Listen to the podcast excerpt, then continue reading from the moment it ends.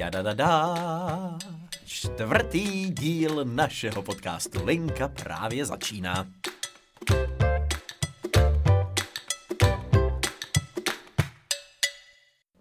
Tak vítejte, my jsme zase rádi, že posloucháte a těšíme se, co, co dneska tady proberem za téma. Tak Kovik, co Dnes to je? se budeme intenzivně vzdělávat. Eh, Tedy spíš budeme vzpomínat na to, jak jsme se intenzivně vzdělávali a eh, možná si tak trochu schrnem pohled na český vzdělávací systém, co nám to dalo, co nám to vzalo a co jsme se možná naučili o jiných vzdělávacích systémech v jiných zemích. Přesně tak.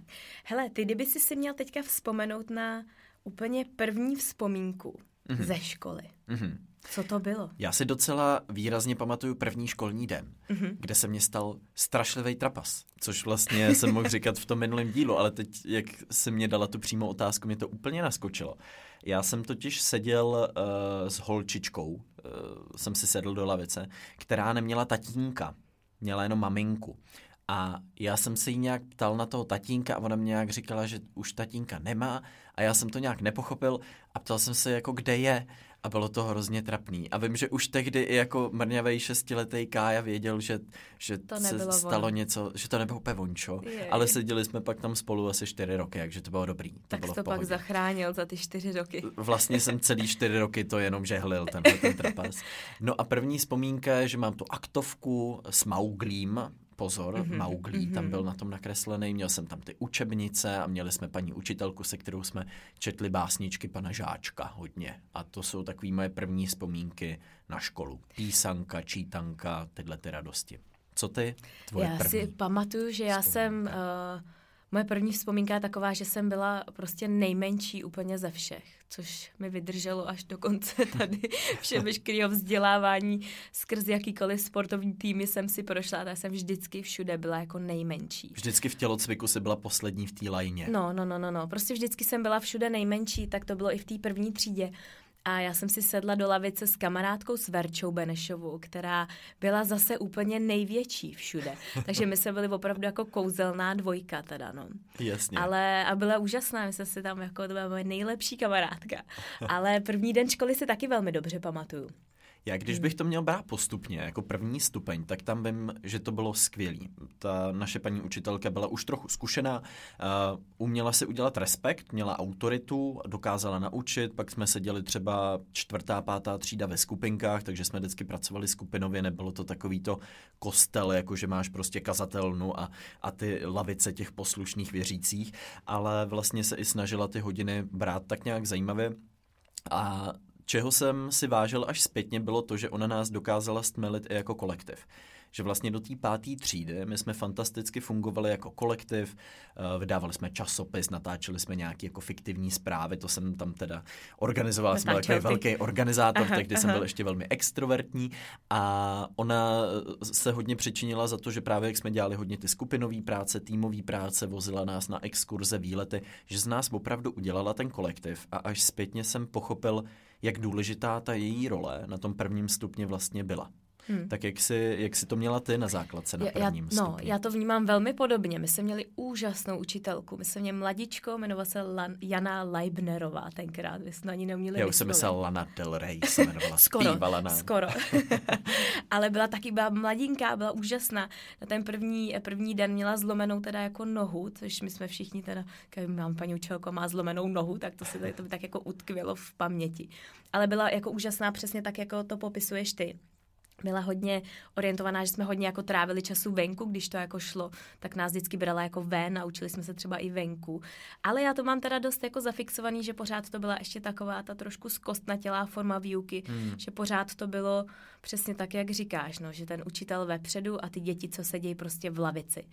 A já když si teďka jako zpětně na to vzpomínám a třeba uh, poslouchám jako moje kamarády, který mají teďka děti třeba v prvních třídách a právě tam mluví o tom, jak je důležitá ta skupinová práce a tak, tak to my se vůbec neměli a mě to ohromně jako chybělo, protože já jsem strašně ráda byla v týmu Hmm. a hrozně ráda jsem pracovala v týmu. Na to jsem až přišla, až jsem byla jako o hodně starší teda. No to je právě to, že ta škola, že jo, není zvyklá moc učit ty schopnosti, jako spíš znalosti. O tom se teďka v tom vzdělávacím systému hodně mluví, že ty schopnosti a kompetence, jako týmová práce, takový ty soft skills, jako jak Přesně komunikovat tak. s Hm, ostatníma, hm, jak hm. si rozdělit práci, jak eh, zpracovat třeba sedm různých názorů.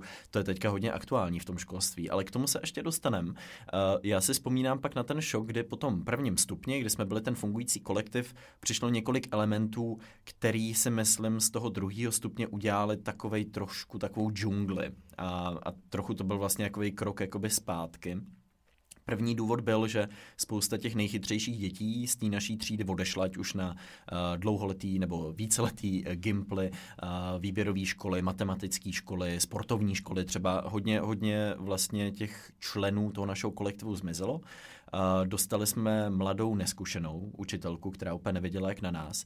A třetí ten faktor byl teda, že samozřejmě začala přicházet pomalu, ale jistě puberta. Takže v tom kolektivu se najednou objevovaly věci, které tam dřív nebyly, jako třeba šikana. Objevovaly se tam různé problémy, které se musely řešit. Přestali jsme být jako vlastně celistvý celek, ta třída. Takže pro mě ten druhý stupeň, já vím, že jsem se hodně trápil ty první roky. Já jsem si často vyčítal, že jsem na ten Gimple nešel, že jsem tady vlastně zůstal, třeba jsem dělal cíleně chyby v testech, abych nebyl moc dobrý, abych mm-hmm. nevypadal mm-hmm. jako mhm. šprt, abych mm-hmm. nevybočoval. Hrozně jsem se bál, abych se neodlišil od toho normálu. Eh, čili pro mě ten druhý, druhý stupeň byl v tomhle taková jako brzda. Hmm, hmm. Jak jsi to měla ty? No my to máme jste? hodně, má, máme to hodně podobně. Já jsem, já jsem teda chtěla hodně na Gimple v té páté třídě a a taky jsem byla taková ta, ne, ne, neřekla bych šprtka, ale mě to jako šlo samo. Já mám hmm. pocit, že ani na té naší základce to nebyla nějaká super prostě úžasná základka, kde by byly nějaký jako vynikající děti, které byly prostě nadměrně chytrý. Jasně. Takže v tom kolektivu prostě já jsem jakoby neměla vůbec problém se chytit.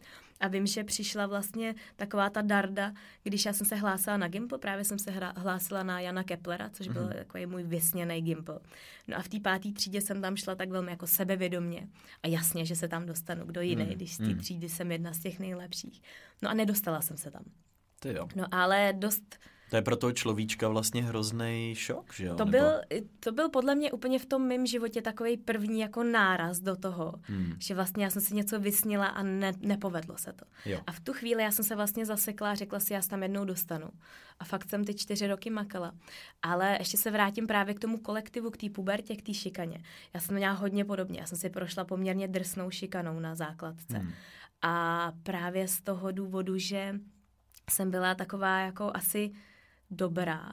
Hmm. A vlastně mi to všechno šlo jako snadno a já jsem zároveň teda dělala pořád gymnastiku a, a myslím si, že i tenkrát to byla hodně chyba těch učitelek, hmm. který vždycky jakoby mě dávali příkladem těm hmm, dětem. Jasně. Vždycky říkali, podívejte hmm. se tady Tereska tohle a Tereska tohle a já jsem vlastně úplně jako takovým nějakýma jako zvláštníma okolnostma mě dostali do té role toho člověka, kterýho ty děti prostě pak už jako nenáviděli, když to takhle Jasně. jako řeknu, přestože vlastně my jsme měli taky dobrý kolektiv, já jsem tam měla spoustu dobrých jako přátel a my jsme pak na asi na šest týdnů nebo na čtyři, pět týdnů jsme odjeli s našima do Ázie cestovat. Mm-hmm. Protože táta tenkrát dělal biznis uh, v Singapuru a, a to byla další taková jako věc, jo, že my, když jsme se vrátili, tak vždycky naše učitelka na zeměpis mě prostě vzala před celou tu třídu a řekla, tak a teď jim tady vyprávěj, jaký to tam bylo a, mm. a těm dětem, který se tam nikdy jako nepodívá. A teď já zpětně, když o tom jako přemýšlím, tak říkám, kolik těch chyb tam vlastně bylo a jak vlastně mě ty učitelky dostaly do té pozice toho člověka, toho jo. dítěte, hmm. který ho prostě jasně, že ty lidi ho jako nemají rádi. Bylo to drsný, bylo to ho, hodně jako drsný. Hmm. Já jsem teda nikdy nebyl šikany přímým členem jakoby terč, nebo uh, já jsem byl vždycky pozorovatel, jo, že jsem to vždycky viděl a cítil jsem, to není moc můj problém, radši se do toho nebudu nějak zapojovat, aby se to ještě neotočilo proti mně. Takový ten klasický přístup většiny hmm. vlastně jako dětí, který se s tou šikanou setkají, vlastně ten strach cokoliv říct, jakkoliv se ozvat, jakkoliv zasáhnout, nebyl jsem žádný velký hrdina, zpětně si to vyčítám, teďka jsme právě dělali jednu kampaň na šikanu, kde jsem to komunikoval z tohohle pohledu, spíš vůči lidem, kteří jsou ty pozorovatelé, který uh, to v tom kolektivu mají, ale nejsou ani terč, ani teď, co by to dělali. Uh, co teďka je ale zajímavý, a teď jsem trošku ztratil nit, uh, ztratil jsem tu linku. Ztratil si linku, naší, to ne. uh, a, a hrozně jsem to chtěl říct a už nevím, co to bylo. Jo, Já vím, o vím. učitelkách, Učitelky... jak vlastně tě dostanou do té pozice, ve které ani ty vlastně nejseš. Hele, ale... ale oni se právě mně přijde provařej, že oni ten kolektiv dokážou číst velmi dobře Například v momentech, kdy tě jako přesazujou, jo, kdy tě chtějí rozsadit, tak aby si nezlobila, abys nesadila třeba s tou svojí dobrou kamarádkou a posadí tě k někomu, o kom moc dobře vědějí, že v tom kolektivu není oblíbený, nebo že si s ním nebudeš mít co říct, což myslím si přesně dokazuje, že oni přesně vědí, jak ten kolektiv funguje, jak vypadá, ale možná sami dělají věci, které nevědomky právě pomáhají tomu. To je velmi zajímavé, co se vlastně říkala, hmm, že, hmm. že těma dle pár vlastně věcma oni tě dostali na nějaký pědestál a samozřejmě tím si najednou vybočila z toho průměru, což automaticky znamená cizí element nebo nějaký nechtěný element. No, že, ale mě to, mě to dlouho jako nedocházelo, hmm. víš, já jsem to vůbec vlastně neviděla až teďka v dospělosti, když jsem o tom začala trošku víc jako přemýšlet, tak si říkám, doháje, teď vlastně jo. A vlastně to přišlo v moment, kdy já jsem vodila do té Ázie, Měla jsem tam skvělý kamarády, opravdu to všechno fungovalo. A když jsem se za ty čtyři týdny vlastně vrátila, tak najednou, a teď já si to přesně jako si to pamatuju, jak já jsem všem jako přivezla ty dárky, že jo, teď prostě to bylo něco takového jako extra, že prostě jsem jako chtěla jim udělat jako radost, teď každý musím přivezla nějaký takový jako dárek, který mu jemu by mohl udělat radost. A teď si to pamatuju, jak oni ty děti se tak jako na sebe koukali a všichni mi ještě jako vrátit na ten stůl. Řekli mi to nechcem. A já říkám, doháje, co se jako stalo. No a od té chvíle to začalo. Hmm. A fakt to bylo hrozně zvláštní. Takže ten, ten můj druhý stupeň byl, to byl jako masakr, když to takhle hmm. popíšu. To je fakt jakoby, jako... no s tím, jak ty děcka vlastně jakoby stárnou, jak ty mozky se tak jako měnějí a přijde mi tam, že ta šikana je nejpřítomnější v těchto těch letech, jako právě ta 6, 7, 8, 9, ty třídy. Pak se to už zase jako svezlo v té deváté třídě. Tam už, já už jsem si dokázala vlastně hmm. nějak vybudovat, uhájit si tu pozici a naučila jsem se hodně jako s tím pracovat a žít. Ale nepřijde mi, že by vlastně ta práce těch učitelek byla jako dobrá. Hmm. Nepřišlo mi, hmm. že vlastně oni by zachránili nebo se snažili nějak pomoct té situaci. Vůbec. To ono se to prostě neřešilo. Být, ono to musí je hrozně těžký. Uh, ale, ale to by měla být jedna ze schopností toho učitele. No. Prostě předcházet takovým věcem a proto si myslím, že třeba na tom prvním stupni se tohle nedělo. Uh, a já věřím, možná, že i na prvním stupni může být čekaná. Já si možná myslím, že i to může být právě z toho důvodu, že vlastně na tom druhém stupni se ti začínají střídat ty učitele. Hmm, Hodně hmm. často prostě ho máš, že jo, máš prostě na český jazyk někoho jiného, na matiku jiného a tak dále. A vlastně myslím si, že trošku ztrácejí takový ten jako přehled o těch dětech. Máš tam třídního učitele, ale kolikrát ho vlastně jakoby vidíš za ten týden. On Myslím tě vlastně si, že možná, nezná, že? On tě nezná, on nezná ten kolektiv a, a nikdo to vlastně neřeší. Řeší hmm. se tam hodně prostě to, aby se stihlo probrat tady ta výuka a to vlastně, jak ty děti se učí jako pracovat s tím opravdovým životem, se tam absolutně jako neřeší. To je pravda. Hodně záleží na tom učiteli, jak se dokáže vybudovat ten vztah. Vím, že v některých předmětech jsme cítili, že nás ten učitel zná a v některých předmětech ty učitelé ani třeba po třech letech si nepamatovali naše hmm. jména, kde už bylo jasně vidět, jak moc snahy ze strany toho učitele je se vcítit do toho kolektivu, mít ke každému trošku jiný přístup. A já chápu, že v momentě, když máš jakoby velký třídy, 30 člený, třeba je to hodně těžký. Tak to nemáš ale, šanci vidět vlastně. Ale, ale hmm. už tohle to ti jakoby říká o tom učiteli trochu něco, jako jak moc se snaží třeba. A když fakt třeba ani po třech, čtyřech letech neví jména, tak eh, si říkáš jenom, jo, nevím, jestli úplně tohle je to správný. Hmm. No hmm. ale ty jsi teda prožila tenhle ten takový jakoby šok v té páté třídě z tohohle toho, že jsi vlastně nedostala kam si chtěla. A na ten Gimple se předpokládám, nevzdala z toho a znovu se na něj přihlásila. Jo, já jsem hrozně chtěla, protože, eh, jak si přesně říkal ty, jak odešly ty takový ty tahouni té třídy, tak uh, já jsem prostě viděla, že já tam chci být taky, takže pak, pak následovaly všechny ty doučování a tak abych se právě tady z té základky, která prostě nebyla dobrá, abych se dostala na nějaký ten jako dobrý gimpl, protože jsem, fakt jsem si to hodně jako přála. Takže to bylo jako drsný, bylo to náročný, ale povedlo se to.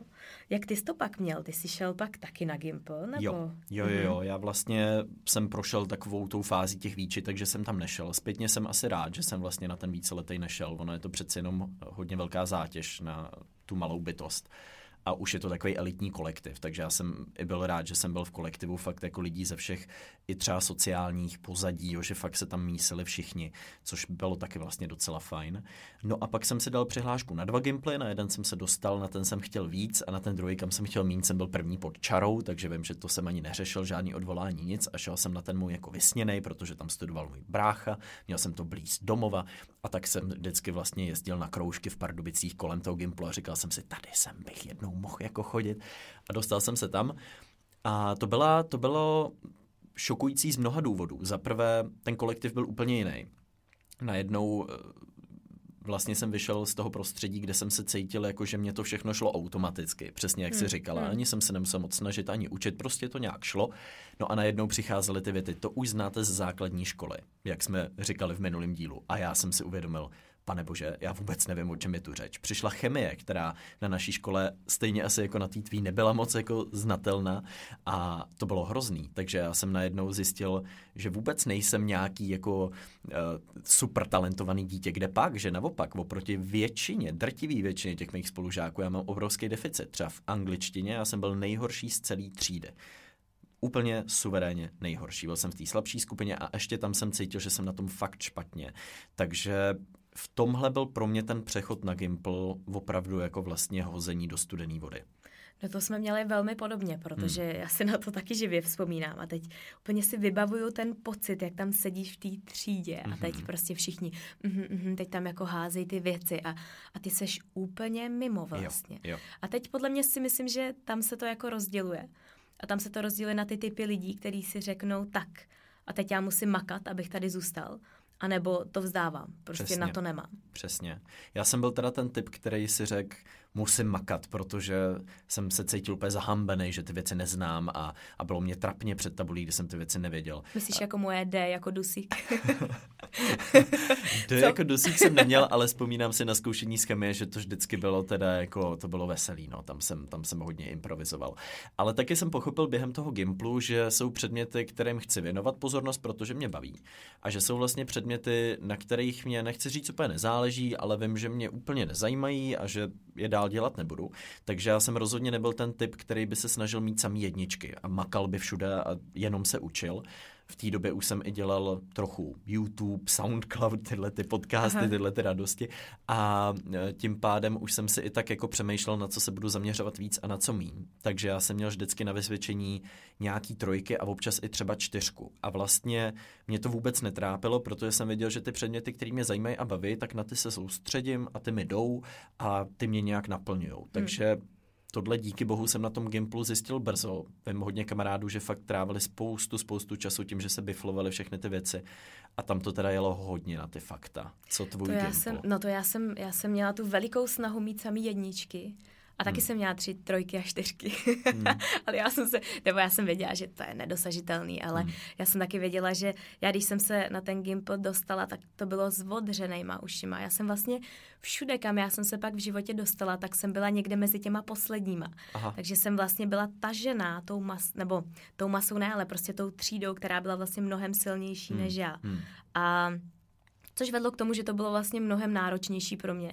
Zároveň je to podle mě lepší být poslední mezi silnou skupinou lidí, než být první mezi slabou skupinou lidí. Hele, což to bylo na té základce. Přesně, třeba. druhák versus mm. Gimple. Já úplně cítím tu, tu demotivaci, kterou jsem cítil na tom druhém stupni versus tu obrovskou motivaci naopak na tom Gimplu, kdy jsem cítil, že jsem fakt jako ta, téměř jako černá ovce v tom kolektivu, takže třeba já jsem potom vycházel z Gimplu a, a vlastně jsem anglicky mluvil téměř plyně, jo, protože jsem koukal na filmy, seriály na YouTube a, a cítil jsem taky tu potřebu se zlepšit a chodil jsem na nějaký seminář speciální a tak vlastně, že v mnoha těch odvětvích mě ten silný kolektiv vlastně táhnul a donutil mě opravdu se vlastně jako zlepšovat, což bylo super. Což je, což je dobrý, když, když takhle vlastně přemýšlíš, to je vlastně ta nejlepší možná varianta. Já jsem měla hodně podobně teda, no. Jako pro mě ty čtyři roky na Gimplu byly nesmírně jako intenzivní, opravdu jako hodně intenzivní. Hmm. Ale zároveň řekla bych, že to byly jedny z nejlepších jako let mýho studentského života, opravdu, protože ještě já nevím, jestli jak moc vlastně znáš ty vůbec Gimple Jana Keplera, nebo jestli posluchači třeba znají, ale vlastně když se řekne jako Kepler, tak už je to samo o sobě taková jako škola, ve které všechno tak nějak funguje trošku jinak, než mm-hmm. na mhm. ostatních Gimplech. Já tak nějak Opravdu... znám jako Kepler, Nerudák, na Zatlance, mám trochu představu těch mm-hmm. pražských Gimplech, tak v čem je Kepler jiný? Je jiný v tom, že je právě hodně jako komplexní, že se tam, mm-hmm. uh, že třeba otázky jako maturitní, když to teďka jako vztáhnu, aby to bylo nějak konkrétnější, tak nejsou prostě třeba renesance nebo prostě novodobá literatura. Ale třeba jedna z otázek maturitních je třeba téma labirint v mhm. literatuře. Jo, že vlastně ono to vlastně se snaží jako prolínat a snaží se to I jako cross předměty? Přesně tak.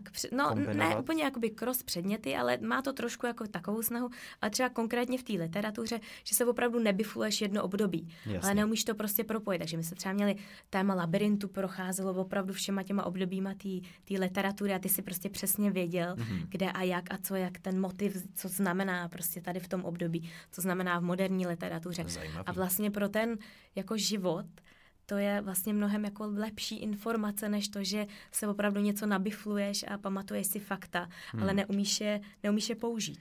Největší problém českého vzdělávání je podle mě kontext. Jo? Že ty najednou máš nějakou informaci, uh, jsi připravená na nějakou speciální otázku, ale když ji někdo najednou naformuluje nějak jinak, a to jsem viděl i na tom našem Gimplu, tak spousta těch typů lidí, co opravdu jako biflovali, jeli na ty samé jedničky, tak neměli to hlubší porozumění toho tématu. Tím, jak se učili všechno hrozně moc a těch dat je prostě strašně moc na jeden lidský mozek.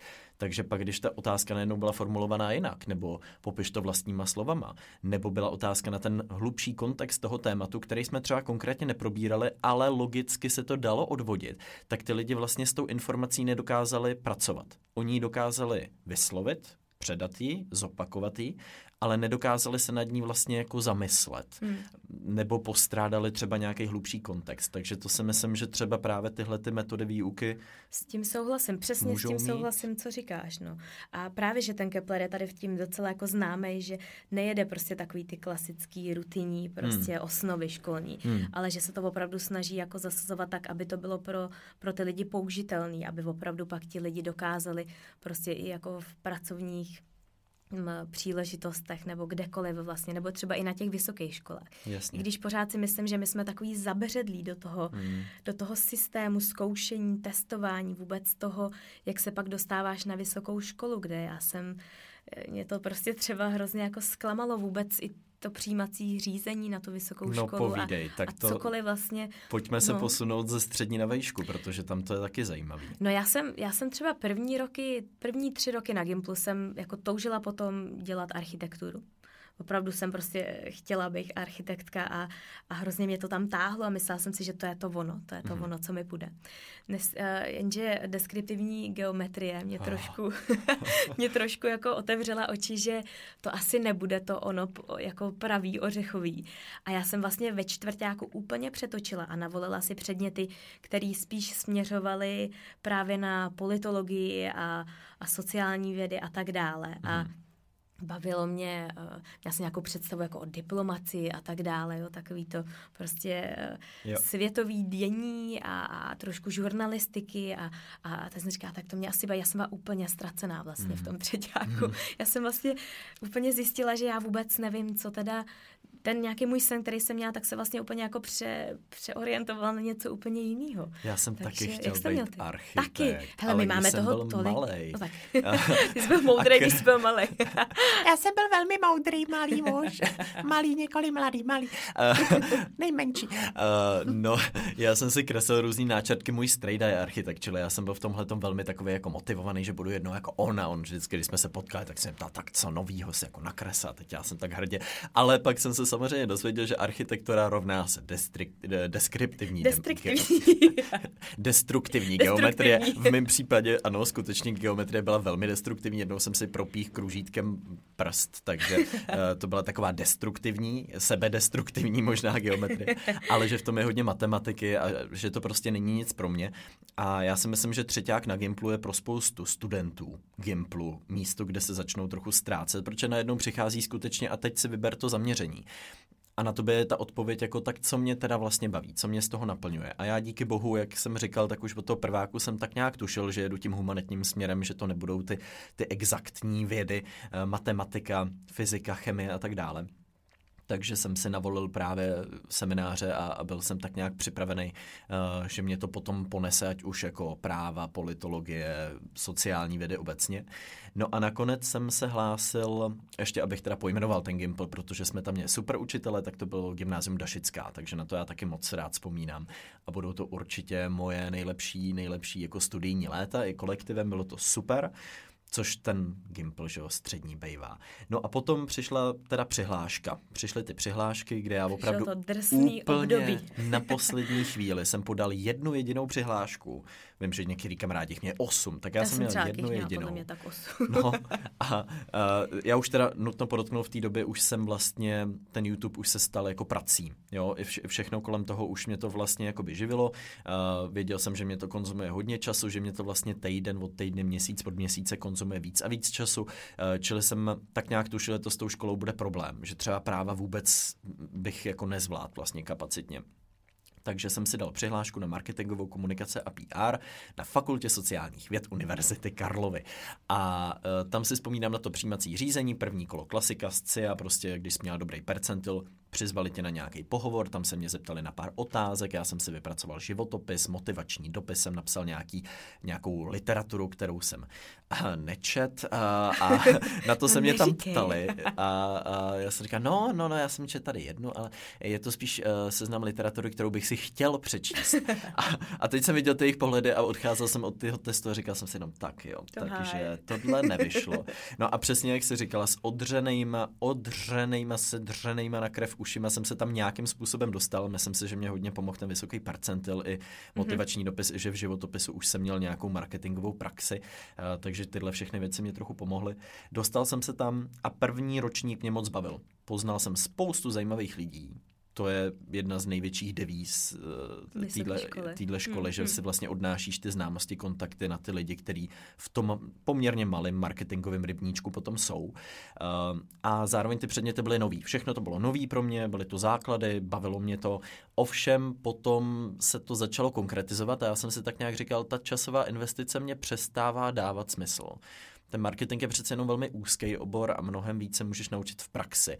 Takže já jsem nakonec dospěl k tomu, bylo to polovina druhého semestru, že jsem vlastně před zkouškovým si říkal, tak buď teď udělám to zkouškový a dodělám tu školu, anebo skončím teď. A nakonec jsem skončil v tu chvíli. Byl to leden 2018. Mhm. No a jak teďka na to koukáš, na to rozhodnutí zpětně?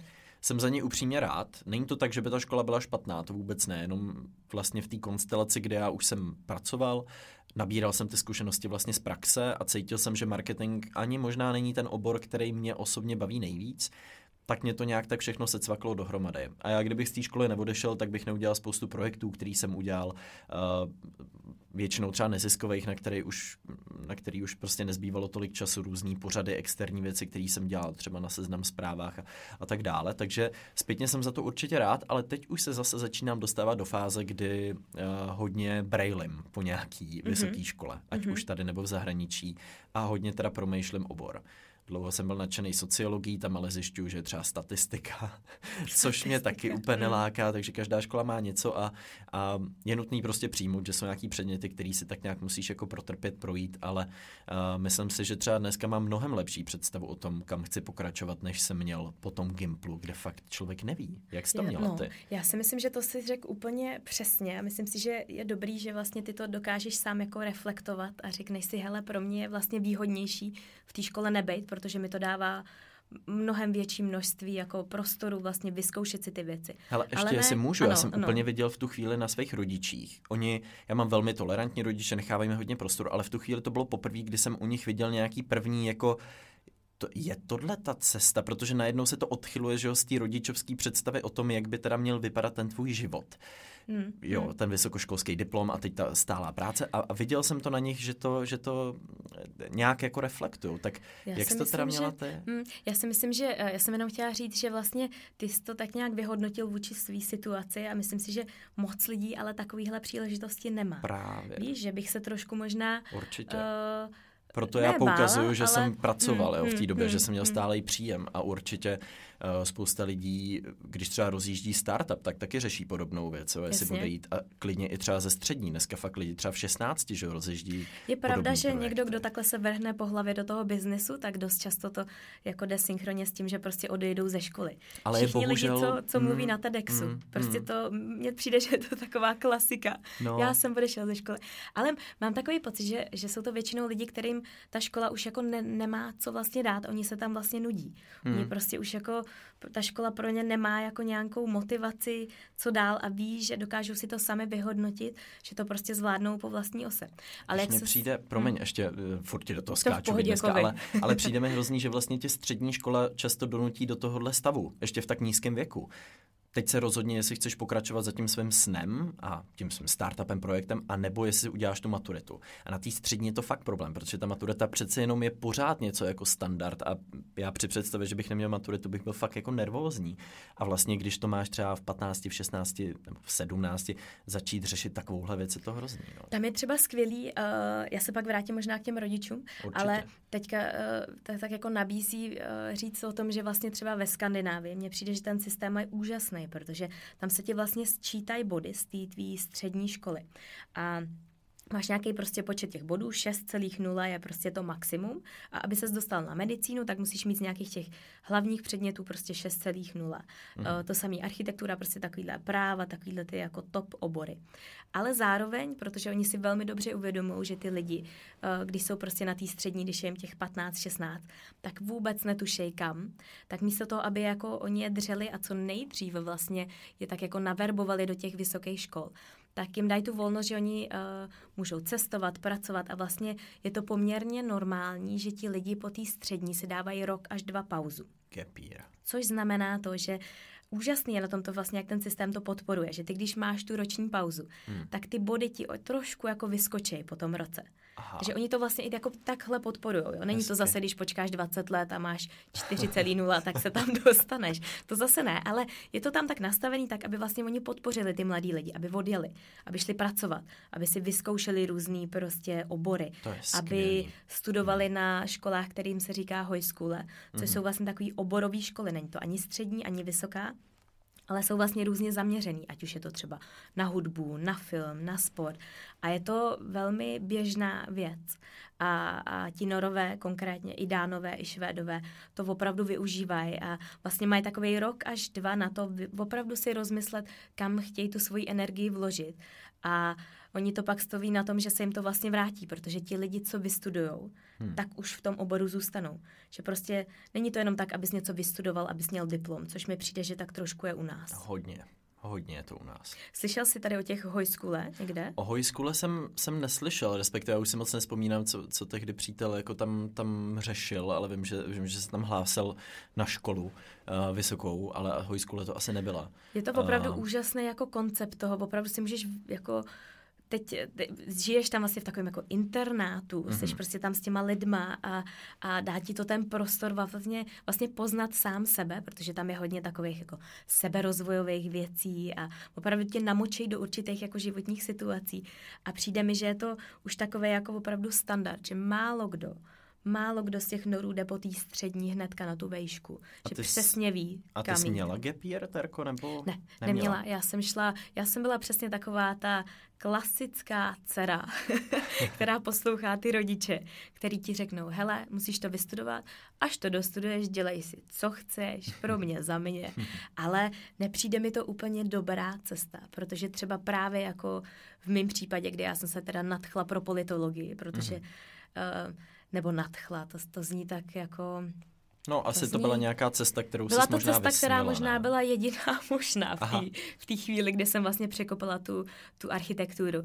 Ale uh, zpětně jsem to dostudovala, já jsem se dostala na Fildu, na Karlovku. Byl to teda taky teror. Zase jsem byla poslední, jedna z těch posledních, takže zase mě ta skupina tak jako hnala dopředu. Mm-hmm. Ale uh, vlastně to rozhodnutí odjet třeba právě potom, potom bakaláři bylo jedno z těch nejlepších. Já jsem odjela do Dánska právě na jednu tady z těch hojskule, mm-hmm. na taneční obor. A Aha. bylo to něco úžasného teda. Hezky, hezky. Bylo to něco úžasného. No takže pro tebe, ty jsi teda bakalářský došla normálně? No, normálně. Mě, mě vyhodili od státnic. Mm-hmm. A to, protože já jsem se na průměr dostala hnedka na magistra, ale já jsem v září neudělala státnice, takže jsem nemohla nastoupit Jasně. na toho magistra. Mm-hmm. Což vlastně vedlo k tomu, že já jsem měla takový plonkový půl rok a v únoru jsem teda dodělala státnice a hnedka po tom únoru jsem odjela tady na tu hojskule do toho Dánska. Jo. A pak už jsem se stěhovala do Osla, kde už to nabralo zase jiný obrátky, takže vlastně zase to, co se mi tak jako stalo nejhoršího, tak to vedlo k tomu, že vlastně mi to ten život otočilo tím správným směrem. Kdo ví, co by bylo, kdybyste státnice dala a rovnou naskočila na magistra. Já, Všechno já bych jinak. to tam prostě asi jako nějak do, No, doklepala. Ale Všechno nebyla bys v to Dánsku, nebyla bys Ne, v Norsku? ne, ne. Možná bys neseděla tady u podcastového vůbec ne. stolu. Asi vůbec Je to ne. ten důkaz toho, že všechno v tom životě se nějak tak stane a něco, něco z toho vyleze. A Je má to se to hrozně stát, zajímavý. no. Přesně tak. Já- no a nepřemýšlíš mm. o tom, že bys třeba ještě se chtěla někdy do vzdělávacího systému vrátit? No, já jsem pak v Norsku jsem si dodělala magistra, což byla uh, jedna z nejlepších vlastně vůbec studijních zkušeností v mém životě. To bylo něco neuvěřitelného. A možná tím tě teďka jako navnadím, aby si zkusil studovat někde v zahraničí, protože Hmm. je to opravdu úplně jako jiný. Je to jiný a já si pamatuju, že uh, my jsme tam vlastně byli obor se jmenoval Culture, Environment and Sustainability. A já jsem se tam přihlásila možná i z toho důvodu, že to byl jeden z těch oborů, kam jsem se mohla přihlásit se svojí politologií. Jasně. A zase v Norsku to funguje tak, že píšeš taky motivační dopis, máš tam určitý doporučení těch profesorů a tak, ale zase se to bere na průměr. Což my jsme hodně jako polemizovali s Jonem v momentě, kdy vlastně ty třeba jdeš tady na nějaký soukromý gimpl, který třeba úplně není tak jako náročný, hmm. ale máš tam opravdu excelentní výsledky, Hmm. tak tebe by v Norsku vzali kamkoliv. To je jako. Což já úplně No, nevím. Protože jestli- oni nemají ponětí, Nemají že je v ponětí. Česku Hmm. jako kvalitní gimpla není. Ne. Oni si to dokážou pohlídat u těch vysokých škol. Tam vím, že prostě Karlova univerzita je jedna z těch, který mají tam samozřejmě v tom systému, ví to, mají tam určitý jako regulace a tak dále. univerzity. Ale mám pocit, že ohledně té střední školy to hmm. není pro ně jako možný si to uhlídat, Hmm. což je vlastně hrozně nebezpečný. No to Ale tak ty to jako nedoděláš pak ve finále, kdy na to opravdu třeba nemáš. Jo, Jo, já Ale- si myslím, teď adresuješ přímo mě. Ty to nedoděláš. to ne, Ty to, to ne. nedoděláš. Ne, ne, ne, ale že vlastně tenhle, když se jakoby zpětně vrátím já třeba do těch, do, do těch, do té střední školy, hmm. ten stres z té maturity, ten stres z těch přijímacích zkoušek, já nevím, jestli, měl si to taky takhle? Teres, já se do dneška budím s tím, že jsem se nenaučil na maturitu a že na ní jdu normálně. A to, to už jsem tak dlouho po té maturitě, normálně se budím a mám pocit, že ji nemám ještě. Tak moc velký stresor Dobře. to pro mě bylo, jo. Takže Tak- tak to opravdu, máme stejně. A, Hm. to, a tohle je přece hrozný, že vlastně ta škola v tobě zanechává tyhle ty traumata, který si fakt neseš tak dlouho. Teď jsem se na něco nenaučil, teď jsem se na něco nepřipravila, Ježíš Mara, teď se bude něco strašného dít, jo. Že vlastně tohle v tobě ta škola zanechá mnohem víc, než 96% těch znalostí. Ono je dokonce dokázaný, že ty si odnášíš snad jenom 2 nebo 3% těch faktických věcí a všechno ostatní ten mozek prostě nemá ani šanci udržet. Takže je mnohem lepší budovat přesně ty schopnosti a znalosti. Já teda teď jsem se do toho vzdělávacího prostředí vlastně jakoby trochu vrátil mm-hmm. prostřednictvím dokumentu, který děláme s Českou televizí, který se zaměřuje na moderní dějiny. Já jsem to vykop videem, který se jmenuje Dějepis má problém a tam jsme poznali, že to je aktuální téma. Já jsem tam mluvil o tom, že se na spoustě škol stane, že se v dějepisu nedostane prostor pro moderní dějiny. Což se stalo nám taky. Jo, a stává se to Mhm. opravdu často, mně se to stalo taky. Vlastně jsem se dostal třeba ke studený válce, pádu berlínský zdi, konkrétním osobám, prostě třeba v českém komunistickém režimu, až v semináři, až v 18 letech. A do té doby jsme furt jeli ty pravěky, etruskové, Mhm. všechny starověké hodně, hodně říše. podrobně. A... Hodně podrobně Mhm, mhm. středověk, Karel IV. všechny jeho ženy, prostě pomalu leboboček každý tam byl jasně napsaný v tom sešitě a uh, potom na tyhle ty věci nezbývalo moc času. Uh, takže my jsme do toho zabředli teda hodně hluboko a vlastně se ukazuje, protože abych teda alespoň stručně nastínil, jak Ano, teda funguje ano. vzdělávací systém v Česku, protože to málo lidí ví, včetně mě. Já jsem na tom Gimplu vždycky přemýšlel o těch osnovách a tak dále. Ty už neexistují. Osnovy neexistují. Je takzvaný rámcový vzdělávací program který třeba pro dějepis má čtyři strany. A to je jediná věc od ministerstva, kterou ty školy mají. A tam je vlastně napsaný, který témata ty bys měla jakoby projet jako učitelka a jaký schopnosti by si ty studenti měli odníst. Problém je, že ty vzdělávací, tyhle ty rámcové vzdělávací plány nebo programy, jak jsem říká, jsou 15 let starý a během těch let se do nich furt něco doplňovalo. Takže ty, když to čteš, tak máš pocit, že tam je všechno. Třeba jeden z těch třeba 40 bodů jsou globální problémy dnešní společnosti. O tom můžeš učit třeba tři roky. Takže potom na každý škole, aby si to vzala a podle toho napsala svoje školní vzdělávací plány. A my se hodně setkáváme teda s tím, že nám učitelé a lidi říkají, to nejde, my to nestíháme, není čas. Ale my jsme byli na školách, kde třeba nemají učebnice, kde učejí pospátku, kde začínají v moderních dějinách a končí až v pravěku, což je hodně kontroverzní teda pro mnoho lidí. E, na školách, kde mají dva týdny na konci roku vyčleněný na nějaký projekt, exkurzi, skupinovou práci. Uh, takže to jde, jo. To je ten důkaz toho, že to jde, ale ty žáci si prostě, prostě jakoby neodnášejí ty letopočty, který zapomínají, ale odnášejí si třeba přesně schopnost pracovat ve skupině. Byli jsme teďka v devátý třídě se podívat a oni tam měli téma vznik československého státu, jak ho přivítali lidé. A ten učitel začal tu hodinu. Já jsem viděl dokument, kde se mluvilo o tom, jako pro děti udělaný, kde se mluvilo o tom, vzniklo Československo, všichni jásali. Ale já věděl, že všichni nejásali. A ta hodina byla pojatá tak, že to byla dvouhodinovka, bylo tam šest skupin a po stěnách bylo nalepeno sedm různých názorů tehdejších lidí, který byly teda fiktivní, ale ty věci, které říkali, byly podle pravdy, na ten vznik toho státu. A byl tam Čech, Slovenka, Němec, Žid a každý se na to koukal vlastně jinak. A najednou ty těm dětem poskytuješ sedm různých úhlů pohledu a oni měli za úkol napsat fiktivní článek pro New York Times, pro amerického čtenáře o tom, co se teda v tom Československu vlastně děje. Takže oni o tom museli přemýšlet z téhletý perspektivy a vlastně si řekneš, oni si z té dvouhodinovky odnesou spoustu schopností kriticky posoudit nějaký názory, on jim ještě zdůrazňoval, aby tam nechali prostor pro fakta. Jo, takže tyhle věci my během toho dokumentu vlastně zjišťujeme a je vlastně hezký vidět, že těch pozitivních příkladů je hodně a chceme tím ukázat, že ty lidi, co říkají, že není čas, ani nejsou prostředky, ani není prostor, že to je trochu výmluva. Že to jde vlastně. Akorát je prostě důležité o tom přemýšlet trošku jinak. Hmm. Ale to přesně, jak to říkáš, tak to mě úplně nahrává do karet na to, když já jsem začala studovat uh, na té univerzitě v Oslu, hmm. ten obor. A procházela jsem si uh, vlastně uh, ty, vlastně jak se tam jako studuje. My se pořád o něčem debatovali. A já jsem vlastně dospěla uh, k názoru, že my jsme tam, já jsem ta skupina byla o 20 jako studentech, 10 z nich bylo z Norska, 10 z nich bylo z celého světa.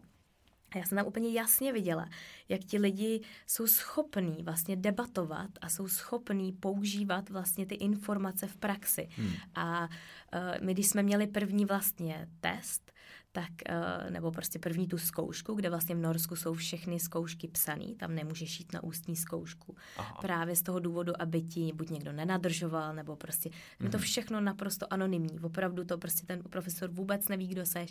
Propisuje se to na tři papíry, které se rozesílají třem různým univerzitám. Z toho se průměruje ta známka. No a já jsem vlastně Úplně to první zkouška jsem na ní byla naučená jako nikdy. Prostě já jsem opravdu jako studovala, všechno se uměla. No a teď jsem byla, já jsem si říkala, to bude jasný Ačko, prostě jsem tam všechno popsala jsem prostě těch papírů hrozně moc. No a dostala jsem Dčko a vůbec jsem to nechápala. Tak jsem, my se tam mohli jako jít pak na konzultace, takže já jsem pak přišel za tím profesorem a začala jsem se jako teda zeptat. A on mi říká jako... Uh, Terezo, prostě já jsem v životě tady nezažil studenta, který by mi napsal tolik faktických informací jako vy. Aha. Za ty moje roky tady toho jako učení. A já říkám, no a tak co na tom bylo špatně? A on, teď koho zajímají faktické informace. Vy to musíte umět jako si vyargumentovat. Tady vůbec se byly ty pohledy z jedné strany, z druhé strany. Takže vlastně to všechno to, co já jsem se naučila tady za těch kolik x let na těch, na těch českých jako školách, tak v té cizině bylo naprosto nepoužitelný vlastně. Já jsem tam předvedla něco, co v čem my jsme hrozně dobrý. Jako no, jsem opravdu v tom nejlepší. Vylejt fakta, jsem, pak je sice zapomenout, fakta, ale dát jich tam tak, co nejvíc. Co nejvíc, popsat hmm. co nejvíc papíru. A on tenkrát prostě na mě opravdu koukal jako úplně, co na tom teda jako nechápu. Teď to je úplně test jako, teď každý si to v dnešní době může najít na Google. Teď hmm. jako OK, můžeš mít jako základní fakta, hmm. super, to je určitě dobrý s tím umět pracovat a znát je, pamatovat si je, ale to, co já jsem mu tam napsala, tak bylo vlastně úplně jako bezcený. Jasně. To, to bylo takové hmm. moje jako probuzení. A já jsem opravdu ty, ty dva roky na tom magistru s tím ne bojovala, ale jako snažila jsem se to vlastně celý jako pochopit, co hmm. oni vlastně po mně jako by chtějí. Hmm. A viděla jsem ten obrovský rozdíl prostě toho, na co já jsem tady byla zvyklá. Jak mě prostě tady u státnic bakalářských vylili za to, že jsem si ne, ne, nedokázala prostě vzpomenout na jméno tady našeho jako ministra za první republiky z těch 20 dalších, jako, jo, který prostě, a za to já jsem hmm. prostě byla vyhozena. Hmm. Což vlastně ty, když to pak jako porovnáš, tak uh, za prvý to, jak uh, tam si hodně opravdu hlídají tu anonymitu. Jo. Když to tady já jsem přišla na zkoušku a už tam přijdeš a ká, no vás si moc nepamatuju z těch hodin, vy. Hmm. A už máš černý puntík a hmm. už s tebou ten profesor možná může zacházet trošku jako jinak. Jo. A to třeba mně se jako ohromně líbí na tom vzdělávání v té Skandinávii. Zajímavá věc, taháky. Uh, no. To mě vyprávěla kamarádka, která studovala v Americe chvíli. Uh, že ona se tam snažila udělat tahák a že na ní ty lidi koukali, jak kdyby spadla z višně. Jakože co to děláš? Úplně stejný. Což je právě možná i tou faktologickou zaměřeností toho českého vzdělávání, že, jo? že tady nám teď potřebujeme všechny letopočty, všechny jména, všechny tituly, kolikátej to byl král, který ho prostě jako rodu zrovna. A to ty jako, ten mozek si to samozřejmě pamatuje složitě, takže ty si to vypíšeš na ten tahák, ze kterého to přepíšeš do toho testu a dostaneš tu jedničku. Což vlastně přesně jde proti tomu budování těch schopností, že přesně pokud tak. vy jste hmm. pořád mluvili v těch skupinách, tak si přece musela vybudovat v sobě docela dobrou schopnost nějaký argumentace, ne? Jako umět si to obhájit. Jo, jo, jo. Uh, to máš pravdu a třeba právě i ty taháky, který, který, o kterých si teďka mluvil, tak uh, tam hodně těch zkoušek bylo právě i jako home exam, že se dělal doma, že jsi měla to vyloženě 6 hodin. A teď hmm. já říkám, no tak to je pohoda, tak máš 6 hodin, všechno si dohledáš. Ale vůbec, oni to prostě mají opravdu nastavený tak, že oni to poznají, jak ty jsi schopnej si ty věci prostě jak, jak se jakoby uchopit, eh, hmm. jak je opravdu jako podpořit něčím, jak se je prostě postavit, jestli máš tu hlubokou znalost, hmm. jestli to hmm. opravdu, hmm. jestli to opravdu dokážeš prostě jako používat v praxi. Takže jo, trvalo by to docela dlouho, pak už jsem se jako vyšplhala na jako lepší známky, pak vlastně, když už jsem končila, tak mě ale o ty známky ani tak nešlo. Mě, mě šlo opravdu o to vlastně pochopit i ten jako rozdíl toho, vlastně vůbec pochopit to, hmm co tady do tebe hustí těch Jasně. několik let. A ty vlastně během jednoho roku to musíš celý vlastně jako otočit a hmm. Hmm. Se vlastně první rok měli plné jako uh, různých seminářů, právě tady těch jako skupinových akcí a tak dále. A, a ten druhý rok jsme měli jenom napsaní diplomky. Opravdu nebyly žádné zkoušky. Celý a rok. teď celý rok. Jeli jsme prostě na, na fieldwork, jeli jsme prostě tu uh, diplomku psát někam, kde jsme dělali výzkumy, což já jsem pak porovnávala s těma mýma spolužákama ze střední, který studovali tady tu českou výšku. Hmm. A oni prostě byli úplně nesmírně jako drcený k tomu udělat. Za prvý obrovský kvantum zkoušek, hmm. do toho napsat diplomku hmm. a do toho se ještě připravit na státnice. No jasně. No. A my jsme v Norsku žádný státnice neměli. Overkill. U nás, to, u nás to končilo opravdu tím, že jsi obhájil tu diplomovou práci, jo. na kterou si měl ten rok, měl si vlastně ty meetingy s tím tvým supervisorem, probíral to a vlastně já jsem si z těch dvou let odnesla neskutečný jako neskutečný jako opravdu použitelné věci pro život. Prostě já z toho jako hmm. čerpám do dneška. A troufám si říct, že bych si odnesla úplně něco jiného, kdybych tady dostudovala tu politologii na té fildě. To je pro mě velká motivace možná, možná vypadnout z Česka a, a zkusit to někde v zahraničí, jenom mít pro to, to srovnání, protože jsem zažil, jako jak vypadá česká výška, co od tebe očekávají, s čím ty profesoři přicházejí a možná by bylo zajímavé mít tohleto srovnání s tím zahraničím. Já si myslím, že bohužel právě tímhle zaměřením na fakta dochází k tomu, o čem se v poslední době mluví hodně, že ta škola se stále více a více rok za rokem vzdaluje od toho, co ty reálně v tom životě potřebuješ. Že jo? Vem si, že během těch 15 let, co třeba máme ty rámcový vzdělávací vzdělávací programy, nebo i předtím vzniknul internet. Prostě najednou máme každý v kapse prostě výkonný počítač. A to vlastně ten vzdělávací systém málo kdy zohledňuje. Pokud nemáš inovativní školu učitele, který neučí 30 let podle stejných postupů. A, a to je taky hrozně zajímavý. A jenom teda, abych ještě updateoval tak trochu naše posluchače o tom, co se v českém školství děje, protože jsme minulý týden uh, mluvili s ministrem, tak v tuhle chvíli probíhá takzvaná revize rámcových vzdělávacích programů, které jsou 15 let starý. Mají tam několik principů, které budou chtít dělat třeba nastavit, co je jádro a co je nadstavba. Co je fakt jako klíčový vědět a co už je taková ta nadstavba, kterou ty učitelé buď můžou nebo nemusí učit a bude to fakt víc zaměřený na ty schopnosti a kompetence. Uh, oni mají každých 10 let novou strategii, teď je 2030 plus se to jmenuje a doporučuji, pokud vás to zajímá, trošku povočku sledovat.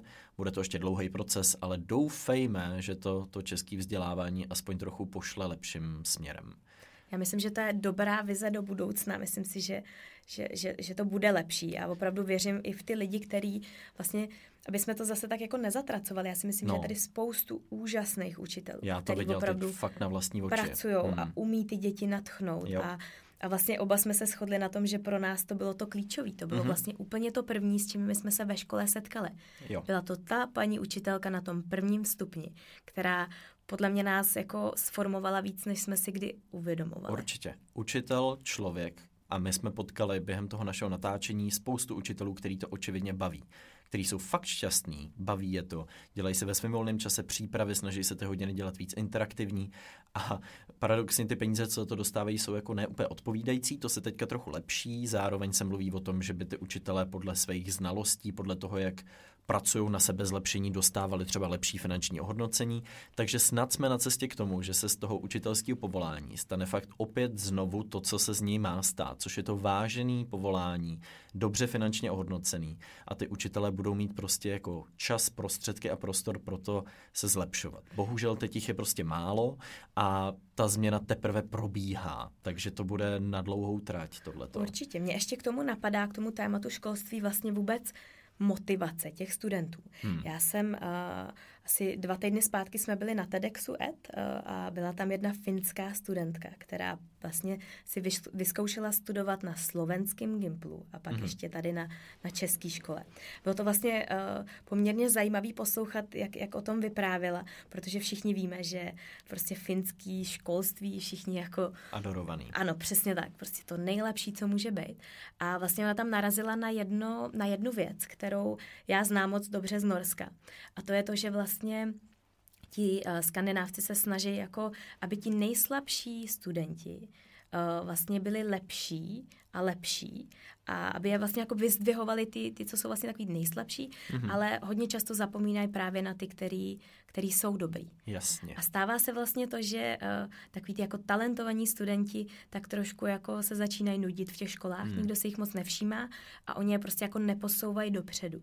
A dost často se o tom bavíme s Jonem, co vlastně my bychom chtěli jednou pro našeho syna, kde by vlastně studoval. A přijde nám to, že by to byl jako dobrý nějaký jako kompromis obojího. Mm-hmm. Jo, že si myslím, že u nás České republice je to až moc, to, že prostě, když jsi talentovaný, bum, jdeš prostě na víceletý gimpl, hmm. bum, dá tě do lepší skupiny na angličtinu, hmm. dá tě do lepší prostě skupiny na různý jako jedný předměty. Teď dostaneš se do jako kolektivu, které je elitnější, který tě zase táhne dál. A ona právě mluvila o tom, že v tom Finsku ty prostě nemáš jako vlastně šanci. Tam je ta snaha ukázat všem, že jsou vlastně stejný, že, jo? že vlastně tam nejsou ty rozdíly, což je hodně přítomný teď v západní společnosti. Tahle snaha vlastně nikoho moc nezvýhodňovat, což by bylo naivní si myslet, že nemá žádný negativní stránky. Že jo? Samozřejmě, že jo, a může to být právě ta demotivace těch schopnějších.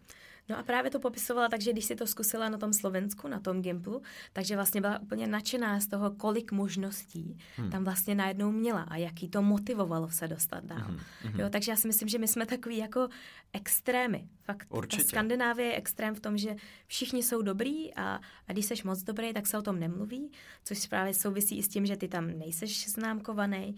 Třeba Jony do svých 15 let nedostal jedinou známku a nepsal jediný test. To jo. A já si říkám, ty jo, tak nás všichni pořád zkoušeli z těch slovíček na angličtinu, si přesně pamatuju, ty si taky určitě pamatuješ, ne? Musíš slovíčka no, a, a tak a fráze. A vlastně ve finále oni mluví mnohem líp anglicky než my, ale je to tím, že prostě to mají komplexnější, že, mm. že to prostě berou jako jinak. A, a takže nějaký testování, nějaký známkování, tady tomu asi za stolik jako nepřispívá. Bylo by asi naivní si myslet, že z našeho vzdělávacího systému uděláme Finsko. Možná je dobře, že je trochu konzervativní, že se mění pomalejc, ale ten minister říkal velmi zajímavou věc, že rezort školství byl dlouho nechtěný, protože tam nemáš ty okamžitý politické výsledky. Tam se prostě nestane, že bys přišla a za dva týdny říkala, teď jsme udělali prostě tohle a všechno bude lepší. Prostě není to tak. Trvá to spoustu let a on říkal, že ty změny, na kterých pracují teďka, se projeví třeba za šest let v praxi a za deset let až na těch vlastně studentech. Takže pro spoustu vlastně těch politických garnitur, který se tam vystřídali, byl rezort školství takový jako boční, jako to si někdo vezme, dali tam nějakého politika, někomu, kdo tomu moc nerozuměl. A mám teda upřímně pocit, že teď je to vedený směrem dobrým. dobrým. Že, že tam je poměrně široký fórum, že tam je hodně akademiků, didaktiků, učitelů, kteří vstupují do toho procesu a že se to posouvá lepším směrem. Otázka je, co se stane, až přijde třeba ekonomická krize. Jestli zase ty platy prostě učitelů nebudou to první, co se jako se škrtá, to vzdělávání to první, kde se budou škrtat ty rozpočty, protože chtě nechtě jsou to i peníze, které určují to, jak to vzdělávání vypadá. Což si myslím, že bych se chytila to, toho začátku, co si řekl, že je to na dobré cestě. A možná i tímhle bychom mohli ukončit ten dnešní podcast, že, že bude líp. Bude, Ježiši Kriste, tak teď to vypadá. Eh, tento podcast byl sponsorovaný uh, skupinou Agrofert, což pravda není, ale vypadá to, vypadá to Že jsme na minimálně dobrý cestě, podle toho, co se minimálně. děje teď, že jsme na dobré cestě. Myslím si, že každý z nás proto může něco udělat tím, že třeba před volbama se budeme víc zajímat o to, co se třeba v tom školství ta strana chystá udělat. A budeme třeba i potom kontrolovat, jestli to opravdu dělá nebo ne. Přesně tak. Tak já myslím, že to byl takový dobrý zakončení toho No, dnešního, dnešního podcastu o vzdělání. Moc děkujeme, že jste poslouchali a budeme se při- zase těšit příště. Těšíme se příště, mějte se hezky. Ahoj. Ahoj.